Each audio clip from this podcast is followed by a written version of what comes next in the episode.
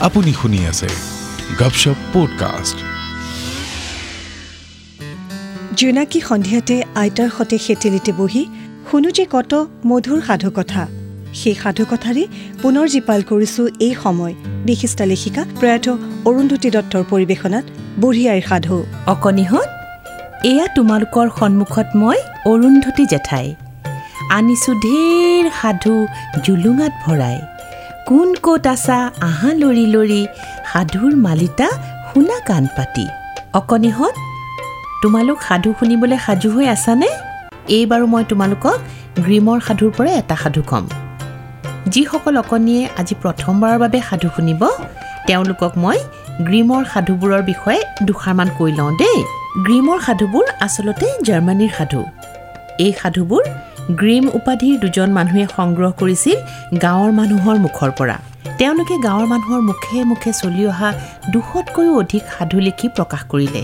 এই সাধুবোৰৰ পৰা কেইটামান সুন্দৰ সুন্দৰ সাধু অসমীয়া ভাষাত লিখি স্বৰ্গীয় অতুল চন্দ্ৰ হাজৰিকাই তোমালোকলৈ বুলি উপহাৰ দি থৈ গ'ল। বুজিছা? ককা অতুল চন্দ্ৰ হাজৰিকা কোন আছিল জানানে? তেওঁ আছিল সাহিত্যিক। কিমান ধৰণৰ যে লেখা তেওঁ লিখিছিল। ডাঙৰ হৈ সেইবোৰ কথা পঢ়ি তোমালোক আচৰিত হৈ যাবা। তেওঁ অসম সাহিত্য সভাৰ সভাপতি আছিল আৰু তেওঁক সাহিত্যাচাৰ্য আৰু পদ্মশ্ৰী বঁটাও দিয়া হৈছিল। গ্ৰীমৰ সাধুৰ সাধুবোৰ যে তেওঁ ইমান সোৱাদ লগাকৈ লিখিছিল। আজি বাৰু এইটো সাধুকে শুনাচোন। সাধুটোৰ নাম জামুকলি। জামুকলি মানে আকৌ তোমালোকে যে খোৱা পকা পকা জামু সেই জামুৰ কলি নহয় দেই। এয়া হ'ল এজনী ছোৱালীৰ নাম। বহু দিনৰ আগেয়ে এখন গাঁৱত এই ছোৱালীজনীয়ে তাইৰ মাকৰ সৈতে বাস কৰিছিল। তাৰমানে তেওঁলোক গাঁৱত থাকিছিল। তাই আছিল মাকৰ একমাত্ৰ ছোৱালী। বৰ মৰমৰ। তাই জামু খাই খুব ভাল পাইছিল। সেইকাৰণে মাকে তাইৰ নাম থলে জামুকলি পকা জামু পালে তাইক আৰু একো নালাগে বুজিছা? জামুৰ বাহিৰে তাই আন একো বস্তুকে খাব নোখোজে। মাকে ৰাতিপুৱাতে গৈ এসোপা জামু বুটলি আনে জামুকলিয়ে দিনৰ দিনটো সেই জামুবোৰ টপালি টপালি খায়। জামু খাই খাই জামুকলিৰ ৰূপ দিনে দিনে চৰি গৈ আছিল। মানে তাই বেছি ধুনীয়া হৈ গৈ আছিল। অ' এটা কথা কোৱাই নাই নহয় তোমালোকক? জামুকলিহঁতৰ ঘৰৰ কাষতে এজনী অপেশ্বৰীৰ এখন জামুৰ বাৰী আছিল। তাত ঢেৰ জামু গছ আছিল। জামুকলিৰ মাকে খুব ৰাতিপুৱাই আন মানুহ শুই উঠাৰ বহুত আগেয়ে উঠি সেই বাৰীখনৰ পৰা সোপা সোপে জামু চুৰ কৰি আনে। ইফালে দিনক দিনে গছৰ জামুবোৰ কমি যোৱা দেখি অপেশ্বৰী খুব আচৰিত হ'ল। প্ৰথমে তেওঁ কথাটো ধৰিব পৰা নাছিল। কিন্তু পাছত যেতিয়া জামুকলিয়ে কেৱল জামুহে খাই থাকে বুলি গম পালে তেতিয়া কথাটো বুজি পালে আৰু হাতে লোতে ধৰা পেলাবলৈ সুবিধা বিচাৰি থাকিল। তাৰ পাছত শুনা অকণিহঁত জামুকলি যিখন দেশত আছিল সেইখন দেশৰ ৰজাৰ তিনিজন পুতেক আছিল। এদিন ৰজাই ৰাজকোঁৱৰ তিনিজন অৰ্থাৎ তিনিওজন পুতেককে ক'লে বোপাহঁত তোমালোক এতিয়া ডাঙৰ হৈ আহিছা। কিছুদিনৰ বাবে দেশ ভ্ৰমণলৈ গৈ বেলেগ বেলেগ ঠাই ফুৰি চাকি বেলেগ বেলেগ কথা শিকি আহাগৈ যোৱা। পিতাকৰ কথামতে তিনিওজন কোঁৱৰ নানা ঠাই ফুৰি চাকি আহি জামুকলিহঁতৰ গাঁওখন পালেহি। সিহঁত জামুকলিহঁতৰ ঘৰৰ সন্মুখ পোৱাৰ সময়ত জামুকলিয়ে ঘৰৰ আগ চোতালত মানে আগফালে মেকুৰী পোৱালি এটাৰ লগত খেলি আছিল। তাইৰ দীঘল কিচকিচীয়া চুলি তাৰ আহি তাইৰ আঁঠুত পৰিছিল। ইফালে গাল দুখনো টিকটিকীয়া ৰঙা হৈ তেজে ফাটি যাওঁ ফুটি যাওঁ হৈ আছিল। ইমান যে ধুনীয়া দেখিছিল তাইক তাইৰ ৰূপৰ পোহৰত ৰাজকোঁৱৰ তিনিজনৰ চকু একেবাৰে চাট মাৰি ধৰিলে।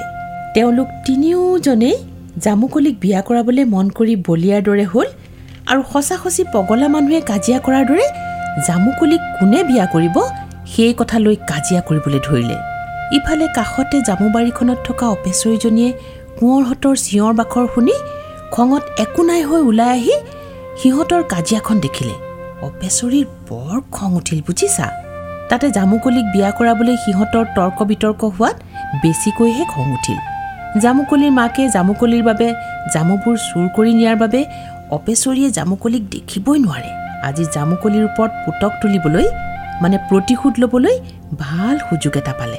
অপেশ্বৰীয়ে জামুকলিক এজনী ভেকুলী হৈ জুৰিৰ পানীত থাকিবলৈ অভিশাপ দিলে। অকণিহঁত অপেচৰীৰ সাপত কি হ'ল বুজি পাইছাই নহয়। ইমান ধুনীয়া দীপলিপ ছোৱালীজনী চকুৰ প্ৰচাৰতে এজনী কুৎচিত ভেকুলী হৈ পৰিল আৰু তাই জঁপিয়াই জঁপিয়াই জুৰিৰ পানীত সোমালগৈ। কোঁৱৰকেইজনেও উপায় নাপাই ঘৰলৈ গ'লগৈ। তাৰ পাছত অকণিহঁত চাওঁতে চাওঁতে কেইবা বছৰো পাৰ হৈ গ'ল। কোঁৱৰহঁতৰ দেউতাক অৰ্থাৎ দেশৰ ৰজাজনো বুঢ়া হ'ল। ৰজাৰ আকৌ তিনিওজন পুতেকলৈ সমানেই মৰম আছিল। তেওঁ মনতে ভাবিলে মোৰো লাহেকৈ মৰিবৰ সময়ে হ'ল। পিছে মই মৰাৰ পাছতনো কোনটো ল'ৰাক ৰজা পাতিলে ভাল হ'ব? সেই কথাহে ধৰিব পৰা নাই।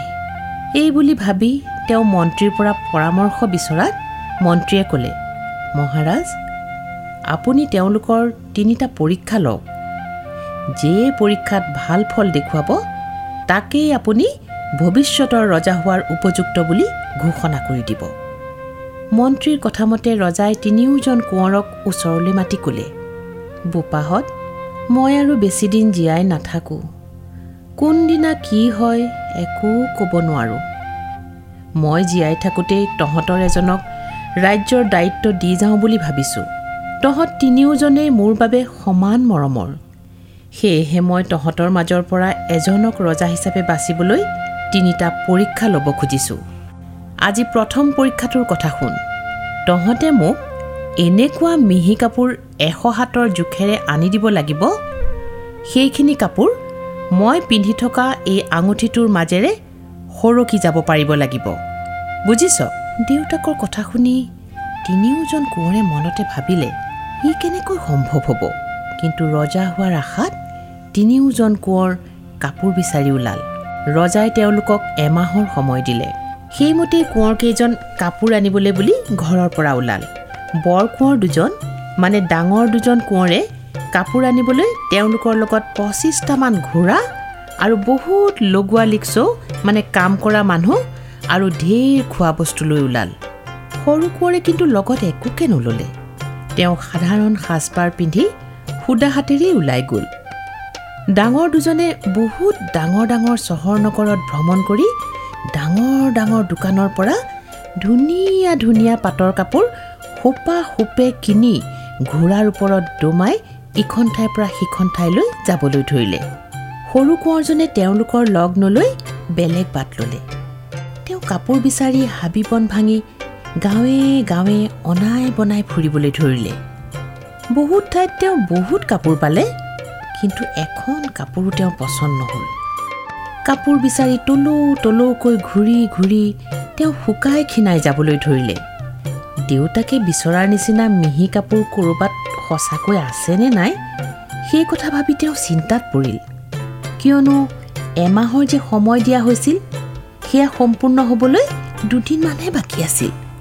মনৰ দুখত তেওঁ এদিন জুৰি এটাৰ সাকু এখনৰ ওপৰত বহিল। অকণিহঁত সাকু মানে কি জানানে নাই? সাকু মানে হ'ল দলং। অ' কি কৈ আছিলোঁ?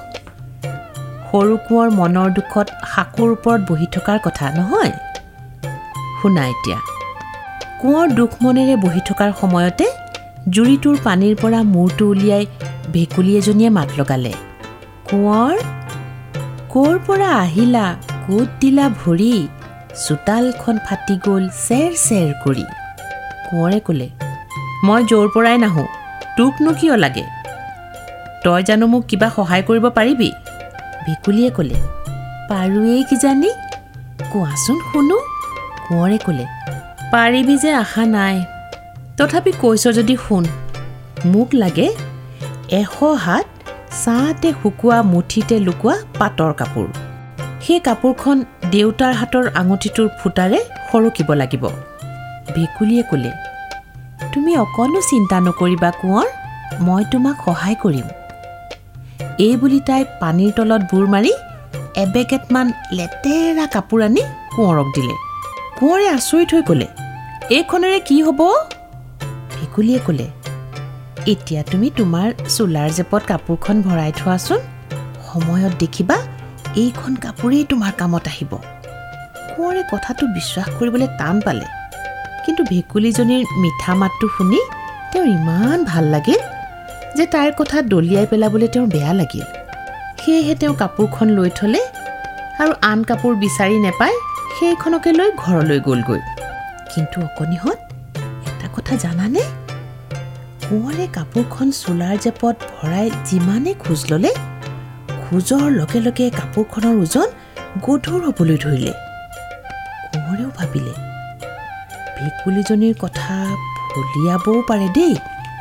ইফালে এমাহ সময় সম্পূৰ্ণ হ'ল আৰু তিনিওজন কোঁৱৰ একেলগে গৈ নগৰত সোমাল।